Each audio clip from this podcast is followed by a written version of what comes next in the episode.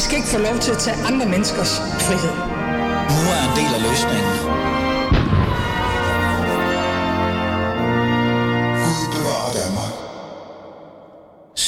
Så, er vi her sgu. Dale med, så nåede vi valgdagen. I dag er demokratiets dag, men også dagen, hvor valgkampen selvfølgelig slutter. Men det er jo valgdagen, og det er jo i sig selv en fantastisk dag. Men det har været et par hektiske dage med både opture og nedture for næsten faktisk alle partier. Jeg tror ikke, der er et parti, der ikke har haft en eller anden form for nedtur. Men levede valget egentlig op til vores forventninger? Og står vi egentlig, eller står vi egentlig med en fuser, som handlede, øh, altså selve valget, om mere om personligheder end politik? Fik vi egentlig det, vi havde drømt om, og der er blevet sat op til? Det skal vi øh, have en god snak om i dag. Mit navn er Ali Aminali, og du lytter til Alis Føderland.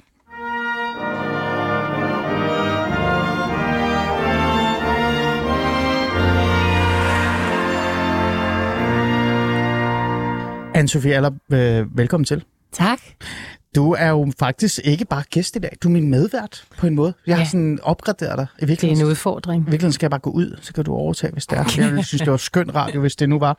Det var sådan, det var. Men velkommen til. Tak. Øhm, vi skal jo i dag sammen de næste 55 minutter, eller i hvert fald øh, en del af det, øh, tale med et par kloge hoveder i forhold til valget. Altså har det leveret eller ej? Og jeg vil også gerne vide, hvad du synes om valget. Har det egentlig leveret eller ej? Men før vi fælder dom over valgkampen 2022, og jeg faktisk øh, bare kigger øh, blidt ind i dine øjne, og så hører, hvad du siger, fordi det, det er sikkert klogere, end hvad jeg kan sige, så bliver vi nødt til at lige at tage en, øh, en sådan en uh, breaking uh, sag, vi har fået ind ad døren. Ja. Uh, og, uh, og derfor så må vi nødt til at lige at tage den.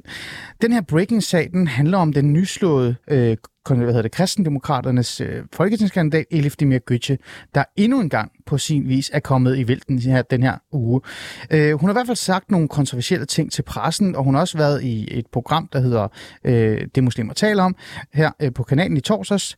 Og øh, der... Øh, altså Gøkke har der i den debat med Fri Grønnes politiske leder, Sikander Siddiq, og, øh, og der faldt samtalen på LGBT plus bevægelsen. Og øh, det gik ikke sådan, som man havde forventet. Lad os lige prøve at høre, øh, hvad det er, der, bliver, der, der sker der. Frie Grønne siger, at de ønsker familie- og seksuel oplysning i skolerne, således at alle skoleelever skal have timesat familie- og seksuel undervisning med inddragelse af emner om seksuelle og kønsmæssige minoriteter og kønsudtryk. Det betyder faktisk, at vores børn bliver hjernevasket. Mm. Hjernevasket med, at ved du hvad, du behøver ikke at være en pige, du behøver ikke at være en dreng. Du kan, være, du kan vælge mellem 72 kønskonstellationer. Der skal være plads til, at i vores demokrati kan folk gøre, som de har lyst til at gøre. Sekretær, det du gør, det er en forbrydelse mod Guds naturlov. Fødre. Du ødelægger vores børn, du vil hjernevaske dem fra 0. klasse. LGBTQ plus skal ikke udbredes i Danmark. Vi skal simpelthen passe godt på vores børn. Lige om lidt så kommer pædofili ind i huset, og snart kommer der aktiv dødshjælp til, til huset i, i frihedens navn. Nej tak, det her er simpelthen en overgreb på, psykisk overgreb på vores børn. Det her, det var jo så den her øh, folketingskandidat for Kristendemokratiet, Elif Demir Götze, der udtaler sig i programmet Det Muslimer taler om, og, øh, og det taler jo for sig selv, det hun siger. Min øh, politiske redaktør, Alexander Vils Lorentzen, har talt med presse- og strategiansvarlig i Kristendemokraterne, Mikkel Lind. Han starter med at spørge ham om, hvad han, hvad han egentlig tænker, da han hørte udtalelserne fra Elif Demir Götze, dem vi lige netop har hørt. Lad os lige høre, hvad han har at sige omkring det hele. Øh, min første tanke, det var, at øh, det var dog helt utroligt, at vi skulle have Gud præsenteret ind i vores parti igen. Det har vi sådan set kæmpet rigtig meget for at tage afstand fra, netop fordi vi er et politisk parti og ikke et religiøst parti. Det var min øh, første tanke. Lad os prøve at dykke lidt ned i nogle af de udtalelser, øh, der bliver luftet i udsendelsen. Elif Demir Götze siger blandt andet det her. Øh, vores børn bliver hjernevasket med, øh, du behøver ikke være en pige, du behøver ikke være en dreng, du kan vælge mellem 72 kønskonstellationer. Når normkritiske undervisningsmaterialer og tilbud fortæller, at der måske er flere køn end to, er det så hjernevask ifølge kristendemokraterne? Nej, der er vel ikke noget undervisningsmateriale, der umiddelbart er hjernevask. Det, det, vi, det vi undrer os lidt over, det er, hvorfor i alverden er norm står man ikke ved offentliggøre deres undervisningsmateriale. Så det er meget, meget svært at tage stilling til, hvad man skal mene med det. Øh, så, så, så umiddelbart er vores holdning, det er, at vi vil gerne tage stilling til, når, når materialet kommer frem. Men uh, lige frem og hjernevaske, det er jo ikke noget, vi har tradition for i Danmark. Det er da også en udtalelse, vi, vi, vi tager afstand fra. Så det er I ikke enige i? Det hun siger? Nej, det er, det, er, det er vi ikke, men, men man kan sige, at øh, øh, Elif øh, brænder jo ekstremt meget for børns vilkår, og det er jo også kvæg hendes, hendes arbejde, og de sager, hun har været i omkring tvangsfjernelse og så videre, så hun har jo et kæmpe hjerte for de børn, og øh, hun følelsesmæssigt går jo helt op i det røde felt, og så kommer der altså finger fra panden i det her tilfælde, og, og det er jo klart, at de udtalelser kan vi jo ikke stå for. Det har vi jo også markeret meget klart. Lad os lige gå lidt videre i interviewet, for Götze siger også følgende. LGBTQ plus skal ikke udbredes i Danmark. Vi skal simpelthen passe godt på vores børn. Om lidt kommer pædofili ind i huset, siger hun så. I det her citat, i det her citat, der sidestiller Götze LGBTQ plus bevægelsens legitimitet med pædofili. Hvad tænker du om, at en folketingskandidat for kristendemokraterne sidestiller en legitim bevægelse med en kriminel tilbøjelighed? Ja, det er jo, det er jo øh, for at sige det på, på ung sprog, øh, når jeg nu skal, skal lege, at jeg er ung, øh, så er det jo fuldstændig væk. Altså, det, det er jo en, slet ikke en udtalelse, vi på nogen måde kan stå indenfor. Og igen, så var min overvejelse omkring det er at sige, jamen, hvad er det virkelig noget, hun mener, eller er det noget, som, som kom, kommer i kampens hede? Fordi hun er jo meget ophidset i den øh, debat med kanter, og mener jo også, øh, øh, at, at det er den forkerte vej at gå med 72 køn, hvilket kristendemokraterne også gør. For os er der kun to køn. Mand, mand kvinde og, og, og, og pigedreng. Jeg skal bare lige forstå, du tror ikke, hun mener det, hun siger? Nej, jeg, jeg tror, det er nogle argumentationer, hun på en eller anden måde har fundet frem i, i gampens sæde. Uh, jeg tror faktisk ikke, at hun uh, dybest inde overhovedet har noget imod nogen mennesker i den her verden overhovedet. Og det er også min opfattelse af med alle de samtaler, jeg havde med hende inden, at hun kom ind i partiet. Og, og, man, man kunne jo i hvert fald godt tro noget andet, når hun sidestiller LGBTQ plus med pædofili. Ikke? Det lyder jo ikke som om, det er noget, man ja, synes det er, også, godt om. Det er jo også en, nej, men det er da også en fuldstændig forkert, og, og, en udtalelse, vi slet ikke uh, kan lægge genkende til. Det er mere, Mikkel Lind, ved du, om hun mener det? Altså, ved du, om hun reelt mener det her? Jeg, jeg, har, jamen, det, jeg har snakket med hende, og hun sagde, men det er jo ikke sådan, øh, jeg går ud og siger, eller jeg snakker, hun snakker da også med både homoseksuelle og lesbiske, og har gjort det flere gange. Hun har altså ikke den holdning rent menneskeligt, og har et, et, et menneskesyn, som ligger meget tæt op af KD. Og derfor så forundrer det også, så. også, at der kommer sådan nogle udtalelser, og derfor så reagerer jeg jo også kraftigt på det. Så jeg har, spurgt hende, jeg har simpelthen, jeg har simpelthen spurgt hende konkret, om hun står ved det, hun siger, altså sidestille LGBTQ plus ja, ja, bevægelsens legitimitet med pædofili. Det har jeg spurgt hende om, og det har hun sagt, det, det mener ja, hun ikke. Nej, nej, hun kunne godt se, at den udtalelse var fuldstændig hen i skoven. Øh, men jeg sagde også samtidig senest, så siger, prøv at du kan jo godt regne ud, at vi som parti, og med den legitimitet, vi har kæmpet for at få, så kan vi jo altså ikke have, at, at der er nogen kandidater, noget som helst sted i Danmark, der kommer med sådan nogle udtalelser. Det bliver nødt til at tage kraftig afstand fra. Og hun var selvfølgelig meget ked af det, og, og sagde, at så, så, så måtte hun hellere, hellere lade være med at deltage i debatter. Og så siger jeg, at det synes jeg faktisk er en rigtig god idé. Så det har hun selv truffet? Det er ikke noget, I har sagt til hende, hun ikke må? Nej. Nej, det er en, sket en, en samtale, jeg har haft med Eli, og Eli har selv bragt det på banen. Og hun var meget, meget, meget ked af den situation. Så der har i virkeligheden ikke været nogen konsekvenser? Det er bare fordi, der står, at hun ikke deltager i debatter i det svar, du sender ud til pressen, men det har hun så selv truffet det valg, så der har ikke rigtig været nogen konsekvenser omkring de udtalelser, hun har leveret, kan jeg så forstå. Vi har, haft en, vi har haft en samtale med hende omkring det, og jeg har jo også sagt til hende, at sådan en debatform kan vi på ingen måde øh, hylde eller have i KD. Og, øh, og det, det, det, det, viste viser en forståelse for, og, og sagde også selv, jamen så kunne det jo godt være, at hun ikke skulle deltage i debatter øh, i resten af valgkampen, øh, og, og måske også i interview efterfølgende. Øh, altså, så den, øh, den kommer fra vækst sider, kan man sige. Selvfølgelig er der en konsekvens af sådan nogle udtalelser. Vi skal jo selvfølgelig sikre os, at hun står inden for KD's politik. Og, øh, så, så det, er jo, det, er jo, det er jo sådan set det, jeg skal sikre mig. Den 27. oktober kl. 22.28, der sender du et skriftligt svar som reaktion på Elif Demir Götzes udtalelser i det muslimer taler om. Dem sender du til 24 og du sender det til BT. Marianne Karlsmose havde tidligere sagt ja til at stille op i vores politiske magasin Valg i Danmark, men hun trækker altså senere sin medvirken tilbage, og derfor så sender du et skriftligt svar. Du skriver blandt andet således. Ligeledes tager vi afstand fra, at man bruger eksempler såsom pædofili og aktiv dødshjælp i en snak som denne. Dette var nok ment som eksempler på, hvad det næste så kunne blive. Dette var nok ment som eksempler på, hvad det næste øh, så kunne blive. Hvorfor skriver du det? det skriver jeg jo, fordi at den her diskussion bliver jo ret forplumret. For det første, så, så sidder hun i en debat med Sikander, som kører og bølger frem og tilbage. Og det man kan jo sige, at Elif er jo meget beskæmmet over Sikanders øh, politik, og det, det er fair nok for det. Og Sikander kan være beskæmmet over Elifs politik. Det, det er jo en helt naturlig politisk diskussion. Og når så at, at bølgerne begynder at gå højt, det kommer ind og rammer børns vilkår, så er det, at, at øh, Elif i det her tilfælde simpelthen kommer med nogle ting taget fuldstændig ude af, af en sammenhæng. Men, det, men det er ikke det, jeg spørger om. Det er ikke det, jeg spørger om. Jeg spørger, hvorfor skriver du i mailen, det var nok ment som eksempler på, hvad det næste så kunne blive? Jamen, det gør jeg bare, fordi det er to ord, der er taget, som slet ikke har noget med den debat at gøre. Altså, børns vilkår har jo intet med pædofili eller aktiv dødshjælp at gøre.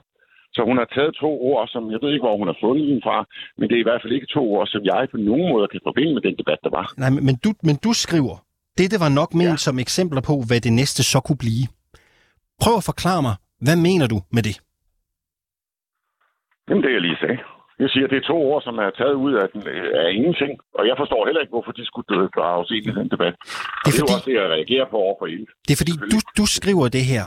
Øh, og jeg ja. spørger dig ind til den her formulering i svarene. Fordi det lyder som om, at du jo bakker op om sammenligningen. Altså, at hvis noget så skørt nej, nej, som opfattelsen af flere køn udbredes, ja. så bliver det næste vel pædofili.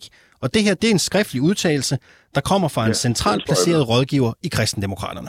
Det står, den udtalelse står jeg der fuldstændig ved, men det har absolut ikke noget at gøre med, om hvorvidt vi skal pædofili ind i en børnedebat af den her art det har, har slet ikke noget på sig, det er slet ikke intentionen Nå, men, men, men det, er ikke det, det er ikke det, Mikkel Lind. Normal, norm, Mikkel Lind, normalt så siger man jo bare, når man indgår i en eller anden diskussion, så plejer man nogle gange at sige, Nå, men hvad bliver det næste så?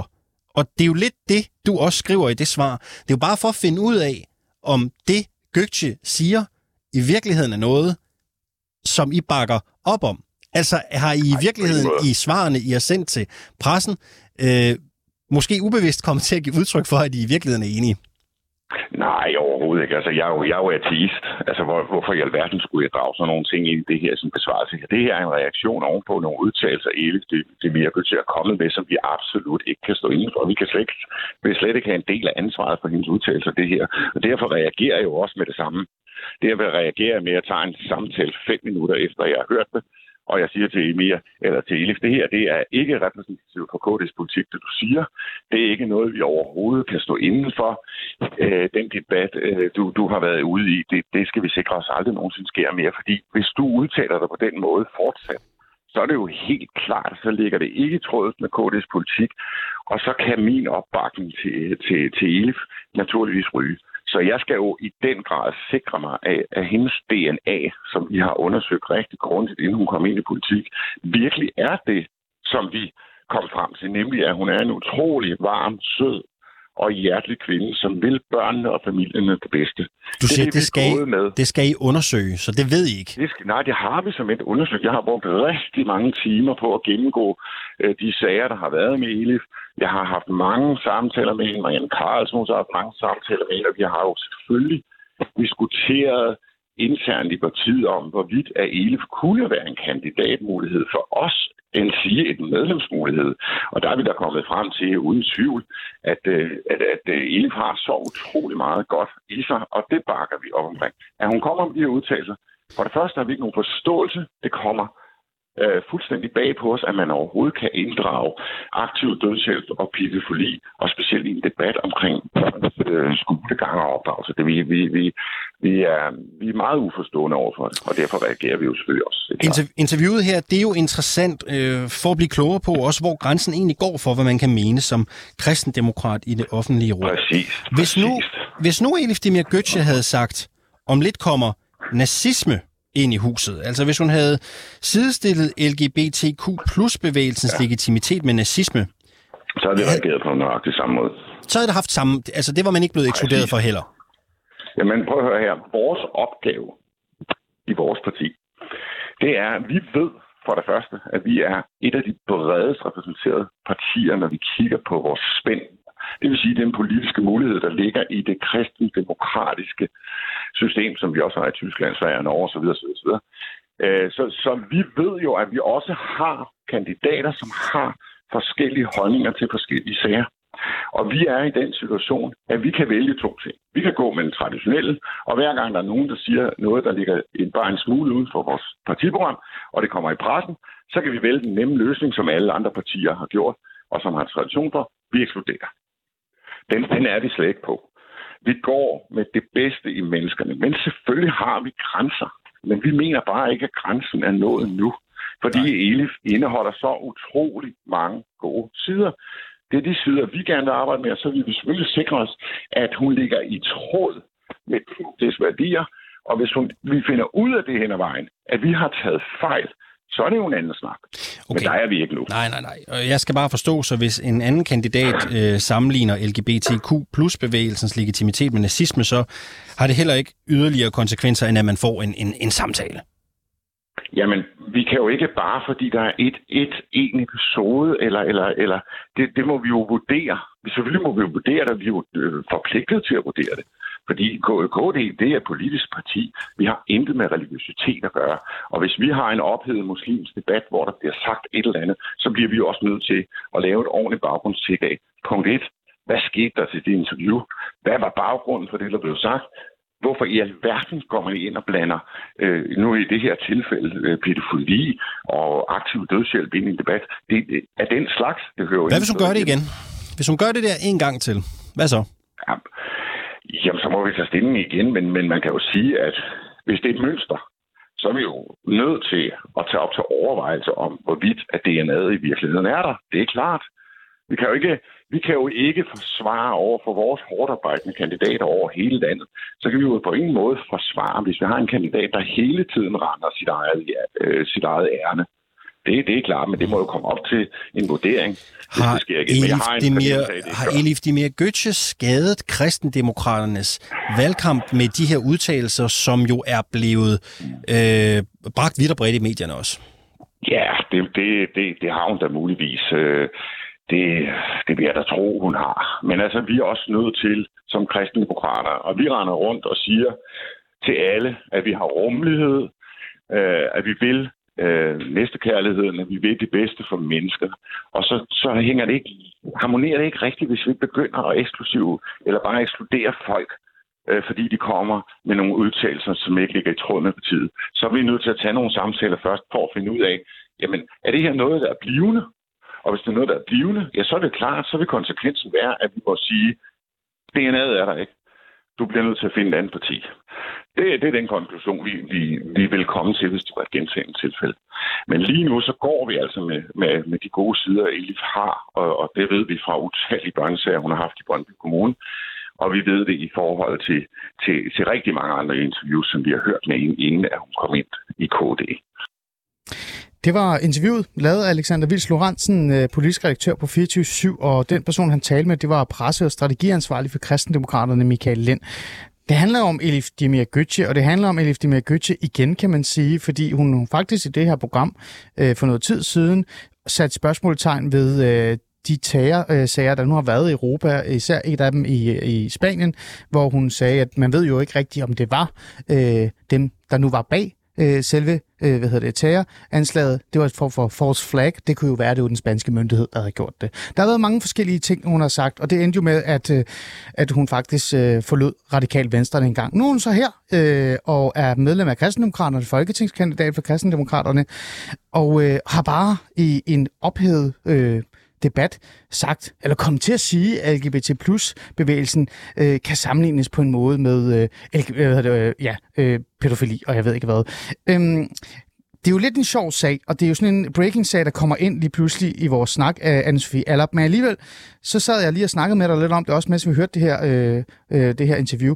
Kristendemokraterne øh, har jo stået godt de sidste par dage. De har jo fået ros, øh, fordi de slår til og slår igen på lykke og repræsenterer noget, noget, noget rigtighed, ikke? Noget, noget friskhed. Ikke? Men kristendemokraterne kan også rumme en Elif Demir Götze, fordi det skal man jo åbenbart. Hvad, mm. hvad tænker du om det her og det her parti?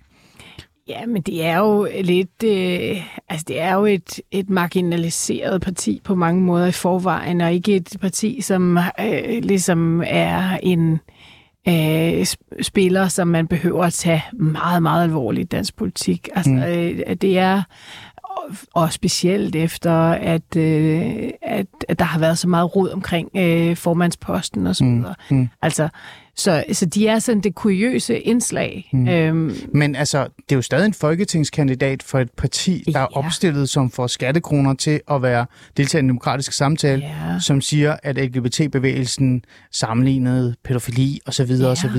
Øhm, men der er jo er faktisk det ikke fint nok mening... at kritisere dem og stille spørgsmål jo, jo, ved det og det er sige, fint at stille spørgsmål. hvad er det her for noget? Men det er jo også et bevis på, at der er meningsfrihed i det her land, og oh, man ja. må, alle, må, alle må stille op, hvis de øh, synes, øh, synes det ikke. Og jeg synes også, at der er en...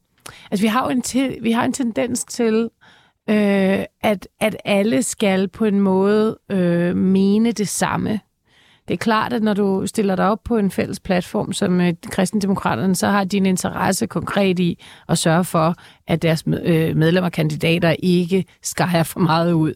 Øh, og det her det er jo et internt anlæggende, som de vælger at håndtere på den måde. Det kan man have en holdning til, øh, hvorvidt er klogt eller ikke klogt, og det er også måske øh, sådan, at de kunne måske have undersøgt deres kandidater lidt bedre, og så videre.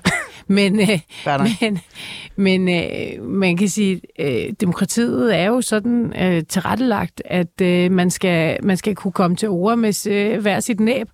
Og vi har en tendens i den her tid til at øh, bruge rigtig meget energi på hinandens holdninger. Mm. Øh, og bruge rigtig meget øh, sige, øh, tid øh, af, af vores sådan, samfundstid på, at vi alle sammen skal passe ind i samme holdningsramme. Mm. Øh, og det er, øh, synes jeg er interessant. Vi bruger meget lidt tid på at diskutere synspunktet. Ja. Altså, vi bruger meget tid på at øh, fordømme hinandens holdninger, men meget lidt øh, tid på at interessere sig for, jamen, hvad, hvor kommer du frem til det her synspunkt? Hmm. Altså, hun, hun siger jo en, en masse ting, som jeg tror, nogle mennesker kan være lidt med på. Øh, der, Ja, absolut. Ja, Ja. Der, er- der er sikkert mange, der tænker, jamen, øh, kom nu ikke for godt i gang øh, med at stå og fortælle teenageren, at det kan godt være, at du hellere vil være en øh, kat. Ikke? Det er Eller. Det er du ved, altså, Ja. Men jeg tænker bare, at- og, og det er jo to-tre skridt længere. Men, men altså, mm. som sagt, øh, det er jo noget, de har besluttet sig for. Det er jo den måde, de gerne vil håndtere det på. Ja. Og du tænker, altså ligegyldigt hvad, om du så... Jeg regner ikke med, at du er enig. Det ved jeg jo ikke. Er du enig? Det tror jeg ikke, du er. Nej, jeg er ikke enig Nej, med, hvad hun siger. men- Jeg men synes, det er da fint nok, at, øh, Jeg synes jo, det er tosset og marginale udtalelser. Ja. Det, er jo- det, Men det er jo det, helt ytringsfriheden er der for. Og så må det jo have en konsekvens, hvis det er. Og det er jo øh, faktisk derfor, at vi har en, en solid tradition for ytringsfrihed. Det har vi i hvert fald traditionelt haft i, Enig, i det her land. enig. Vi vil hellere høre øh, på folk, der er tosset, øh, og, og have dem op i lyset, end at vi vil presse dem ned i undergrunden, sådan så at der dernede kan, kan ligesom gæres et miljø. Hvad der nu sker med øh, kristendemokraterne, om de kommer ind øh, her øh, til valget i dag i virkeligheden, og hvordan det går med Elif Dimagøtje, det må vi jo så øh, vente på. Men så må vi også bare lige holde lidt øje med, hvad der sker, og hvad hun kommer til at sige i fremtiden. Man ved jo aldrig. Men øh, den her sag er i hvert fald øh, indtil videre øh, lagt øh, på is. Kan man, kan man ikke det? Det kan man Ja. godt. Nå, lad os komme videre.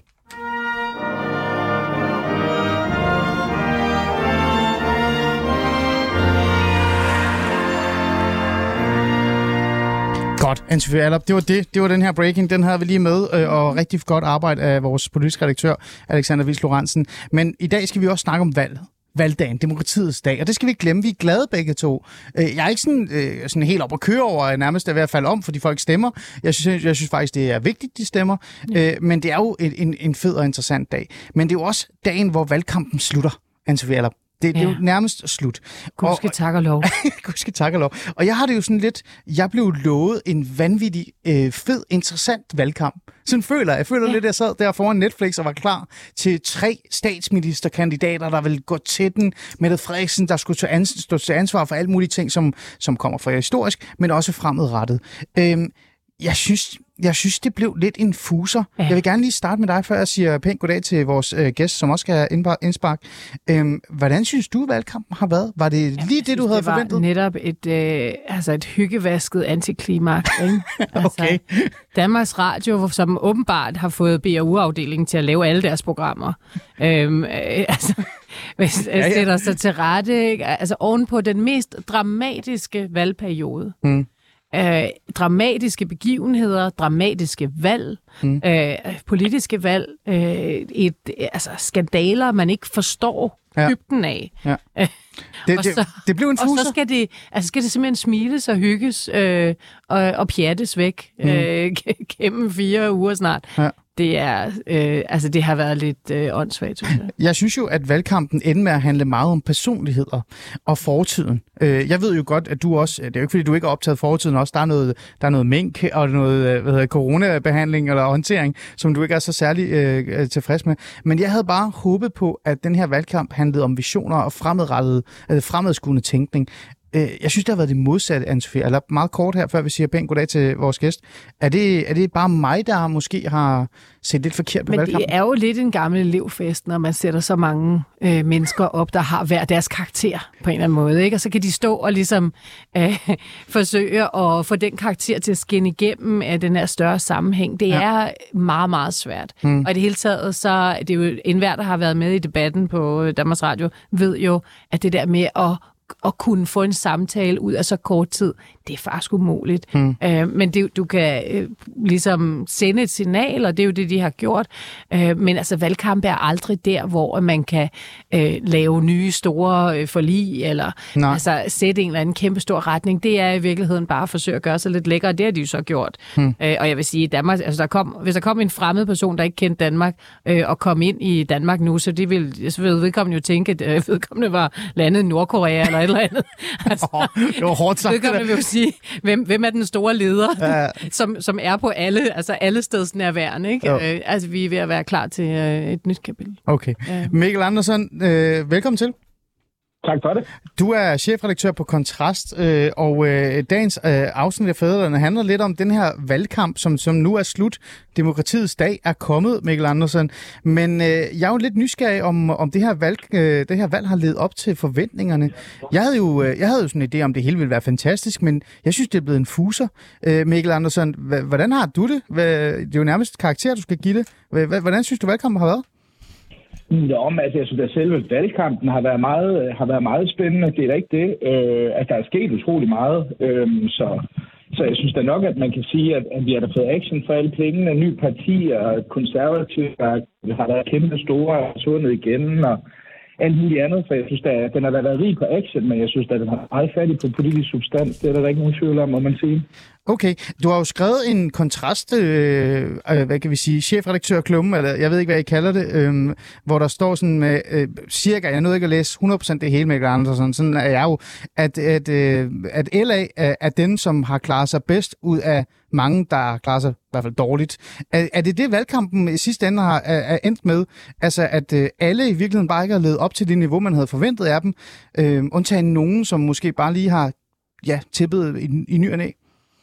Øh, altså, blandt de blå partier, synes jeg klart, at LA har klaret sig, sig øh, ekstremt fornemt. Altså, det har været en flot kampagne, de har ført. De har formået at tale værdier og, og hvad kan man sige, lavet en, en mere hele borgerlig fortælling end så mange andre partier, men jeg må da sige, at, at, at ellers er det svært at se, hvem der har klaret sig rigtig godt i det blå Danmark. Altså Venstre har klaret sig hederligt, men ikke specielt overbevisende, hvis vi skal være sådan helt... Og Nye Borgerlige har været meget usynlige, øh, hvor vi kan sige, at Dansk Folkeparti har jo været ude i sådan en, en desperat overlevelseskamp, hvor man har haft nogle meget markante, men også i forskellige retninger, stikkende udmeldinger osv. Konservative er jo blevet er jo, er jo nærmest kollapset, ikke? Altså, mm. har tænkt på, at de lå til 15 procent for en måned tid siden, nu ligger de til, til et sted mellem 5 og 6, ikke? Det er jo, øh, det er jo en, en trist historie for et lille parti der, ikke? Altså, så, så jo, altså, blandt de borgerlige vil jeg sige, der er det klart det lag, der synes jeg, der har, der har, klaret sig, der har klaret sig bedst. Men jeg synes da også, hvis man skal se på, der er i rød blok, så kan man sige, Socialdemokraterne har også ført en flot valgkamp. Altså, det er ikke fordi, de har jo bare lukket flanker af og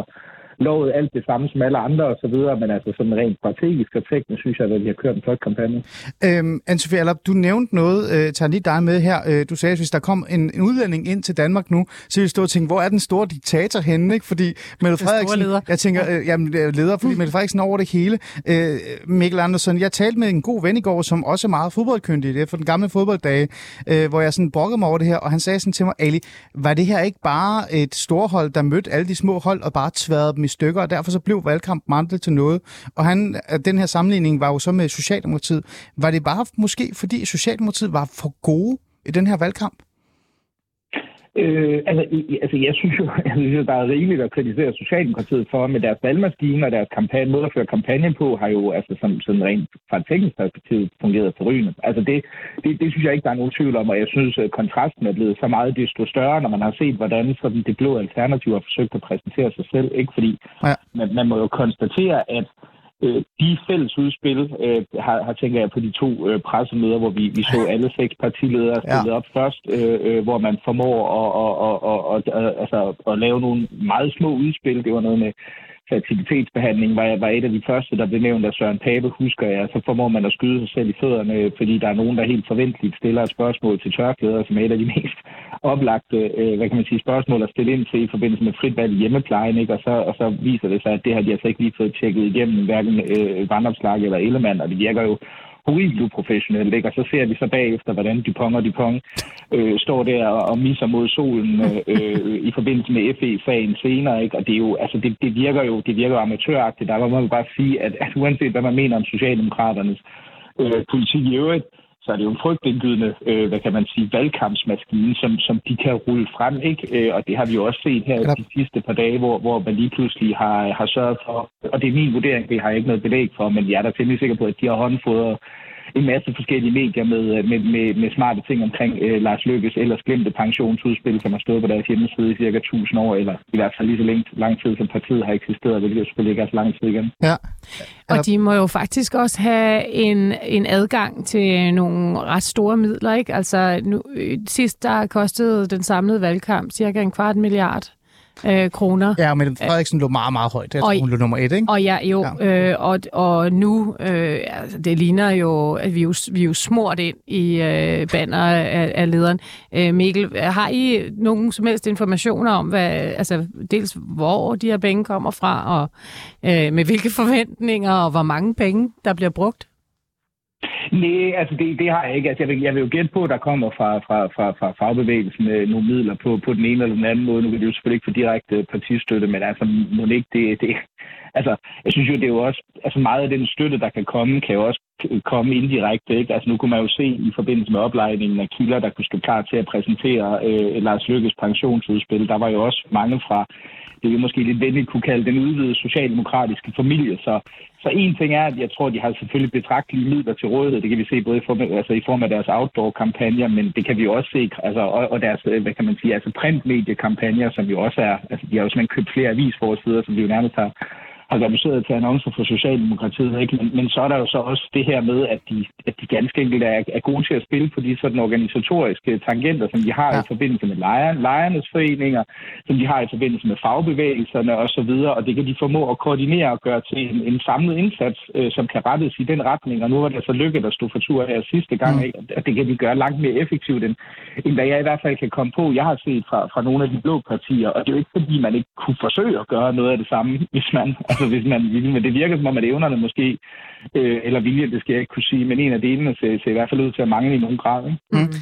Øhm, er der øh, noget andet, som jeg også gerne vil have Mikkel ind over, før vi lige siger tak til ham øh, for at være med? Det er jo også øh, den her snak om, øh, om et, en regering hen over midten. Har den måske også været med til at, sådan, at kvæle fuldstændig den her øh, firmandskamp, man nærmest forventede, der ville komme, ikke? eller tremandskamp øh, i bund og grund, og så den fjerde, det er Lars Lykke, som jeg prøver at tale om. Og til at kun at bare handle om Lars Lykke og Mette Frederiksen, og så Undskyld, jeg siger det. Dupont og Dupont, der står nede i hjørnet.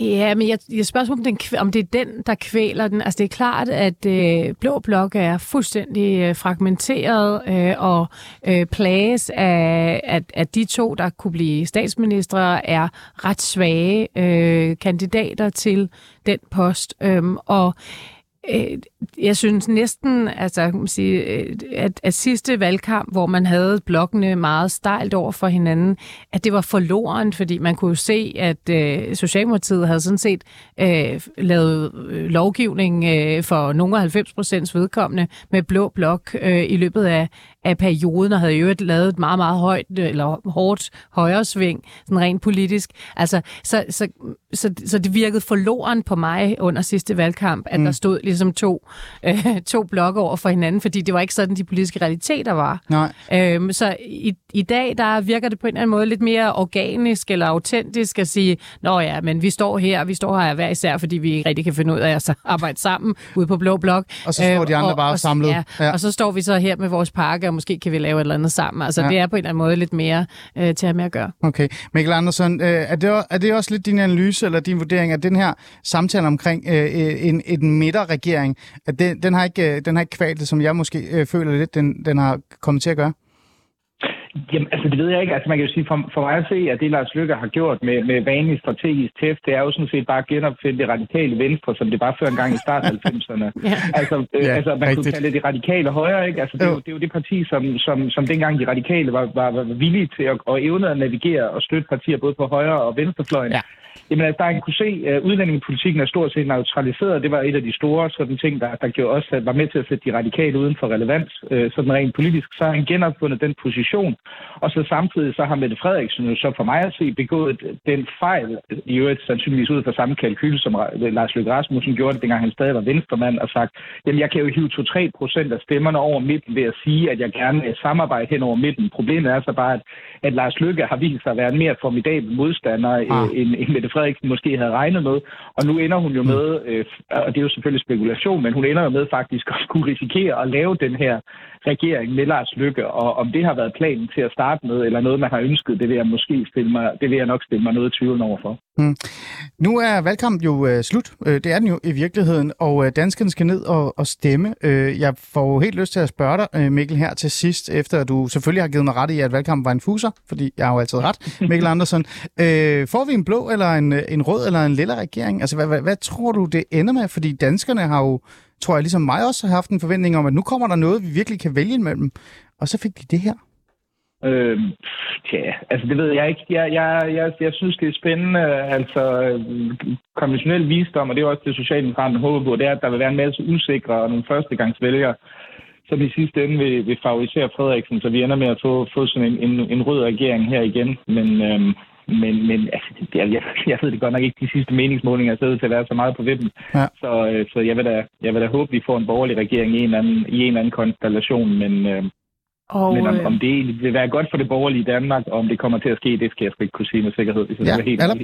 Ja, men jeg tror, at TV2 havde en, en, øh, en undersøgelse af Tvivlerpartiet, som jo er en ekstremt stort, øh, er- også nu her de sidste døgn op til valget, der er det hver fjerde, der, der stadigvæk tvivler og ikke ved, hvilket parti de skal Er det stemme mange, på. ja. Øhm, og øh, undersøgelsen ifølge TV2 her for et halvandet døgn siden cirka, øh, var, at øh, måske øh, 60, nogle af 60 procent af det her tvivlerparti hælder mod blå Mm. øh, blok. Okay. Øhm, eller Lars Løkke. Så der kan komme et slutspurt på en eller anden. Ja, altså så vil sige, det er i hvert fald ikke, det, man skal ikke regne med, at tvivlerne øh, falder, øh, falder hjem i, Nej. i rød blok. Godt. Mikkel Andersen, tak fordi du være med. For det bedste. Ja, Tak det, noget i den stil. Hej. Vi øh, skal have den næste ind, fordi at øh, øh, nu havde vi jo øh, en fra København med, men jeg vil også gerne høre nogen fra Jylland. Øh, en, en stemme i det jyske, det er jo også, ikke? Absolut. ikke der er alle dine politiske salonger, øh, Anne-Sophie Allap. Ja. Øh, David Olsen, øh, er du med? Ja, Pænt goddag, David. Vi taler jo om valget. Vi taler om, hvordan øh, valget er gået. Øh, og øh, jeg er jo sådan et eller andet sted lidt skuffet, David. Det, du kender mig jo godt og grundigt til at vide, at jeg er konstant er skuffet. Men nu er du jo Industrimuseum-inspektør. Eller du er museuminspektør på Industrimuseet i Horsens, og så er du også historiker.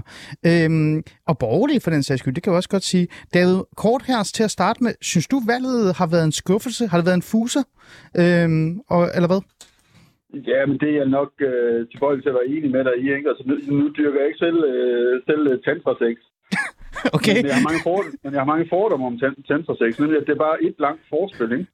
Og det synes jeg jo på en eller anden måde, at det her valg, det har været, ikke? det er udskrevet, eller det blev jo reelt allerede udskrevet for, øh, midt i sommerferien, ikke? Ja. De radikale, de trak støtten. Øh, så gik valg, valgkampen sådan så småt i gang, ikke? På, på lavt niveau, og så gik man og ventede, til, ventede på, at det sådan rigtig for alvor skulle komme i gang.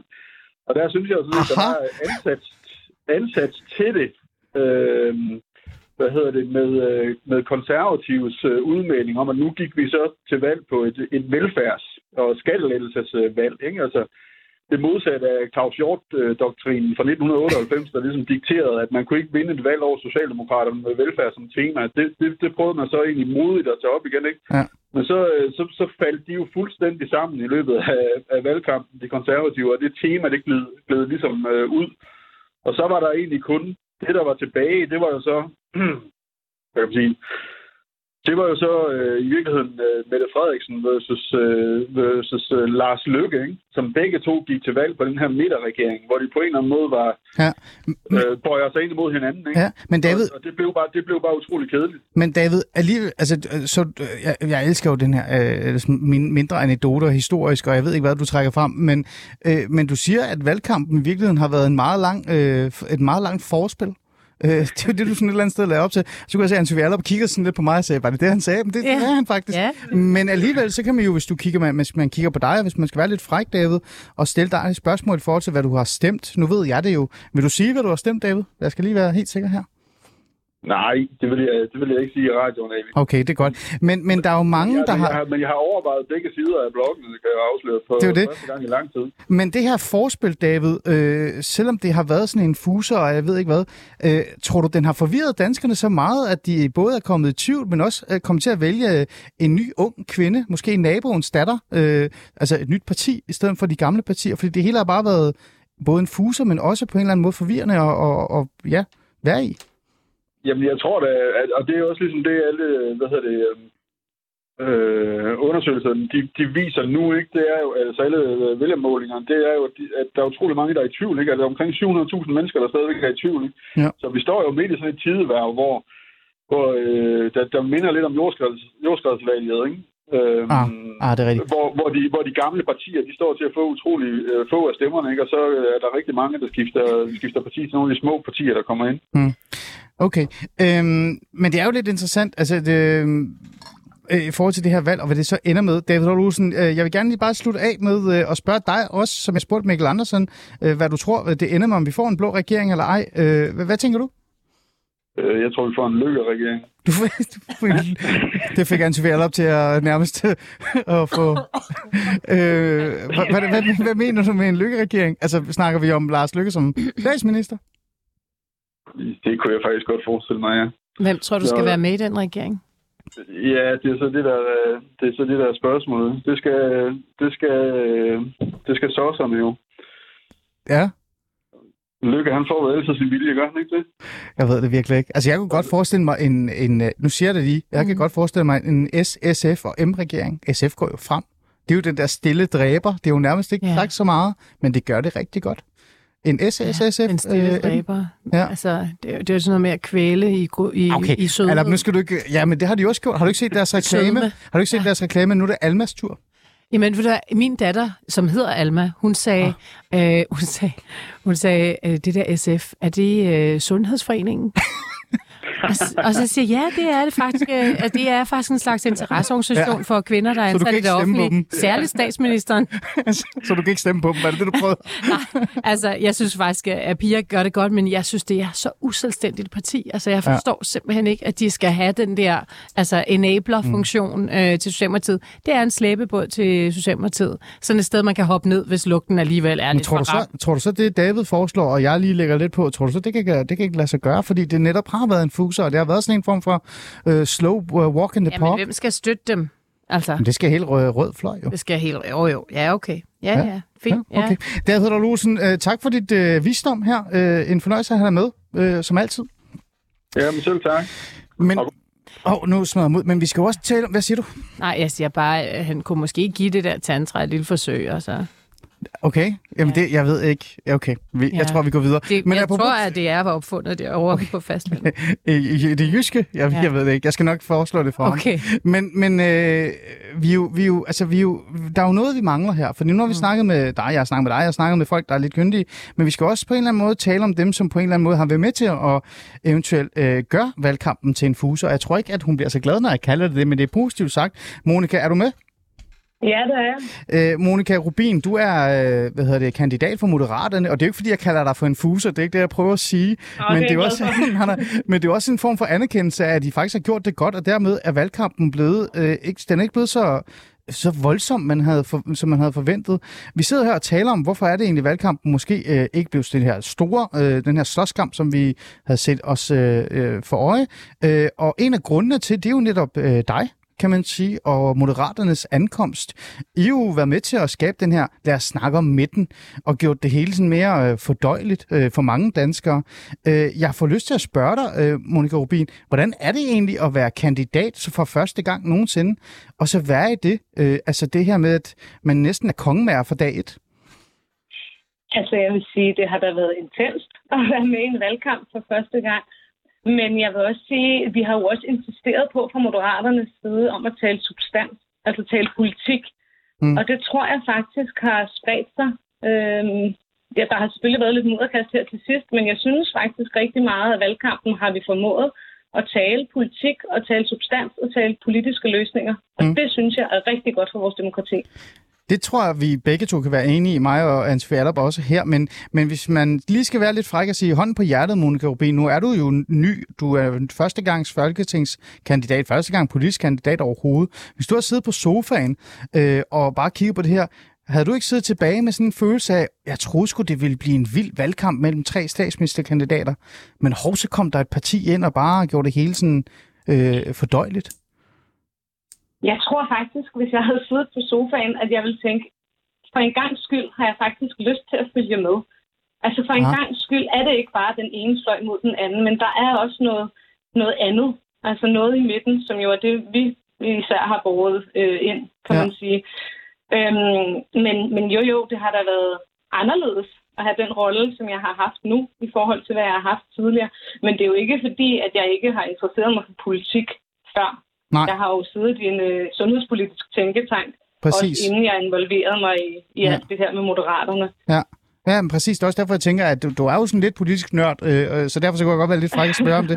Anne-Sophie, er, er, er, det, er det det? Altså det der med, at jamen, danskerne har i stedet for at få en trier, selvom der har været af det, men så har de også fået den her øh, snusfornuftighed. Den er bare kommet fra moderaterne mere end Inger Støjberg, som på bund og grund har handlet om løsninger konkrete løsninger. Altså jeg glemmer jo, jeg kommer til nogle af de ting, man husker i en valgkamp, det er jo de mm. der mhm. små øjeblikke. Jeg kommer jo ikke til at glemme, når Lars Lykke har stået der og været på trods, nægtet at vise ja eller nej-tegn, eller ja, ja. har ikke givet at snakke ja, om boksmeter og altså, så videre og så videre. Vi vidste, han, vi, det, vidste, at han, vi vidste, at han er genial i en kampagne. Han er, det er han. simpelthen, og han er også formentlig den bedste taler på, øh, på, på Christiansborg. Også når han er sur. Og han har faktisk også i sin egen ret, har han genskabt den hvide mand, i en vis alder okay. i den danske kulturstrømning, vil jeg bare sige. Altså, vi har savnet en mand i et jakkesæt, der øh, er lidt småsur, øh, og som ligesom taler ud af posen.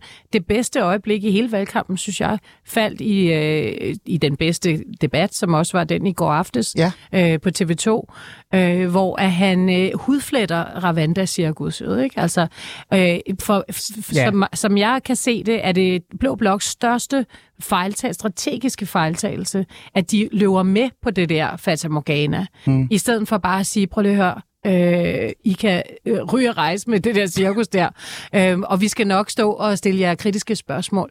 Øh, Lars Løkke, han nailer det fuldstændig, sådan mm. så at statsministeren i affekt begynder at snakke floskler, øh, fordi hun kan jo ikke, kan, enten vil hun ikke, eller kan hun ikke svare på de udmærkede spørgsmål, der er stillet til det åndssvage projekt. Mm. Men altså, han er, han er skideammerne god. Og man har savnet, at der ikke, altså man har savnet, at der bliver snakket ud af posen, og det kan han, men vi, altså det her, som han laver, det er jo også et, øh, altså et, et, en, en brilleren med sit strategiske øh, talent, og det, er jo, det, er, det kan han jo, men altså, øh, som vi ved, øh, os der har fulgt med i politik i mange år, øh, Lars Lykke er sit eget projekt, altså, mm. så kan vide, hvad det er, han vil der, fordi Uh, problemet er jo, at uh, ved sidste valgkamp kunne der måske være en eller anden, et eller andet projekt med at bygge sammen hen over midten, men i dag der er der jo rigtig mange vælgere, der vælger uh, imod Socialdemokratiet ja. eller for Socialdemokratiet. Altså, det enten er du vild med statsministeren, eller så tænker du, nej tak, ikke mere det. Øhm, og derfor så er hele projektet med at bygge ind over midten, øh, det er ikke, altså, øh, synes jeg, øh, et, et, et kæmpestort succesfuldt salgsnummer. Øh, det er Lars Lykkes person til gengæld. Han er mm. rigtig god. Mm. Øh, hvad tænker du om det, Monika? Jeg tror, at der er en pointe i det, I siger, men jeg vil så også sige, at vi er jo ikke bare et midterprojekt. Vi har jo også rigtig meget politik på hylderne. Blandt andet så har sundhedspolitikken jo fyldt meget for os, også kvæg af den øh, historik, Lars har, både som sundhedsordfører øh, og tidligere statsminister. Så vi var jo også det første parti, der for eksempel præsenterede en akut redningsplan for sundhedsvæsenet. Og det var jo rigtig interessant at se, hvordan både Socialdemokratiet og Venstre så efterfølgende også kom med akutte redningsplaner. Hvilket jo tegner til, at vi så kan blive enige om, at der skal ske noget på den anden side af et valg i forhold til sundhedsvæsenet. Men vi skal jo også have lavet nogle reformer af sundhedsvæsenet. Og det vil jeg sige, der synes jeg faktisk, at vi i Moderaterne har sat os tungt på den dagsorden. Så jeg vil ikke sige, at vi bare kun har talt midterpolitik, men vi har faktisk også haft politiske emner på dagsordenen, som vi har prøvet at løfte ind i den her valgkamp. Eller vi kan ikke nå det så meget, men jeg synes faktisk, at Monika Rubin siger noget her, som er, som er meget interessant for mig også, og, det, øh, og det, nu siger jeg det ærligt. Øh, sådan en som Monika Rubin, som er med i dag, hun har jo direkte erfaring med et område, som hun slipper mm. direkte med ind i en valgkamp, Ja. og peger på de her problemstillinger, der er, men også konkrete, men konkrete løsninger Ja. i virkeligheden. Er det ikke det, der har været det stærkeste ved Moderaterne, øh, og ikke så meget, jo selvfølgelig Lars Lykke, men, men det er blevet fuldt op med det her, så som for eksempel en kandidat mod- som Monika Rubin. Nu, nu roser jeg dig meget, Monika, men du får den lige. Altså fra min side, så synes jeg, det er, at det er virkelig kærkommende og fantastisk, at der kommer et nyt parti, der slæver en hel masse mennesker, der ikke er startet som ungdomspolitikere altså, øhm, ind ja. i Folketinget. Jeg synes, det er genialt, jeg synes, det er fedt. Ja. Men, men vi må være ærlige og sige, Moderaterne øh, store øh, salgsnummer her, det er Lars Lykke, det er hans person. Mm. Ja. Øh, Monika, når du står nede på gaden, og her, det, nu er det jo færdigt, at du har stået nede på gaderne og fortalt om dig selv osv. osv. Øh, har det været dine løsninger og din konkrete erfaring, der har fanget folk, eller har det været Lars Lykke Rasmussen? Det har nok været en blanding. Altså, fordi selvfølgelig, vi havde ikke nået hertil uden Lars Løkke Rasmussen på nogen måde. Altså, han er jo også den politiske leder, og også den, der har stiftet partiet. Så det anerkender jeg fuldt ud. Men jeg møder også en interesse fra vælgerne om, hvem vi kandidater er. Og herunder, når jeg har været på gaden, hvem jeg er, hvad det er, jeg vil bringe med ind i politik. Så jeg vil sige, jeg synes, det er en holdindsats Mm. øh, fra alle kandidaternes side, at vi er nået hertil. Mm. Monika Rubin, her til sidst meget, meget kort. Øh, nu øh, står det jo til, at du nok bliver valgt. Det er i hvert fald det, hvis man skal være lidt fræk at sige. Øh, når du vågner op og kan finde ud af, at du står i midten og skal være med til at være kongemager, øh, tror du, det bliver, øh, altså, øh, det bliver interessant, eller tror du, det bliver svært? Altså nu er vi jo sideordnet opstillet, så det vil sige, det er jo den med flest personlige stemmer, der kommer ind. Så bare fordi Ja, jeg nu skal, du, ikke- nu skal du ikke holde dig tilbage. Nu skal du sige, at jeg kommer ind. Ikke? Nu skal du sige det højt. Men ja, Men jeg vil sige, det er da interessant, den position, vi kan få, øh, hvis det når dertil. Men, Mm. mm. men vi må lade mandaterne til. Der er jo ikke, vi ved ikke noget før i aften og ja, i morgen, ikke? okay. Nærmest ligesom Lars Løkke har sagt. Monika Rubin, tak fordi du ville være med øh, i dag, og held og lykke med valget øh, i aften. Øh, Jeg glæder mig til at se, hvad, hvad, hvad det ender med. Øhm, tak. Anne-Sophie Allerup, jeg havde besluttet mig for at finde ud af sådan et eller andet sted, om den her valgkamp var en fuser eller ej, og hvem skyld det var. Det var sådan, jeg synes lidt, det var lidt Moderaternes skyld, øh, men også bare fordi, at det hele bare blev sådan lidt, øh, et ærgerligt. Øhm, vi kan jo sige, at Mette Frederiksen måske bare har været for god. Det, jeg ved godt, du ikke er så enig med mig. Nå, men jeg synes, hun er dygtig. Altså, prøv at høre, jeg anerkender fuldt ud øh, Frederiksens dygtighed. Hun er dygtig. Mm. Mm. Øh, og det partiet er frygtindgydende. Ja. Øh, det er øh, en maskine, øh, man overhovedet ja. ikke øh, har Men vi- lyst til at lægge sig ud med. Men vi fik ikke den valgkamp, vi havde øh, regnet med. Men vi fik noget andet. Det, ja, det ved jeg ikke. Jeg synes, valgkampen øh, på alle måder reflekterer, hvad politik er i dag. Ah, og hvad er det bare kort? Ja, det er personer, det er øh, form, det er stil, det er ikke så meget indhold. Så vi fik det, vi faktisk øh, skal forvente, og måske også fremadrettet. Ja, vi får Ja. sikkert mere af det samme. Vi får se. Godt. Øhm, Anne-Sophie Allerup, tak fordi du ville komme og være. Du var Det er jo altid en debat... fornøjelse. Jamen, det er jeg glad for. Du er jo debatredaktør på... Nej, jeg er kronikredaktør. Du er kronikredaktør. Ja. Okay. Du er kronikredaktør ja. På, på Berlinske, men så er du også vært på alt muligt andet. En fornøjelse at have dig med i dag. Og til alle jer andre, der var med i programmet, tusind tak, fordi I vil være med. Og en lille særlig hilsen til Monika Rubin. Tak fordi du tog din tid ud af valgkampen, og held og lykke med valget i aften.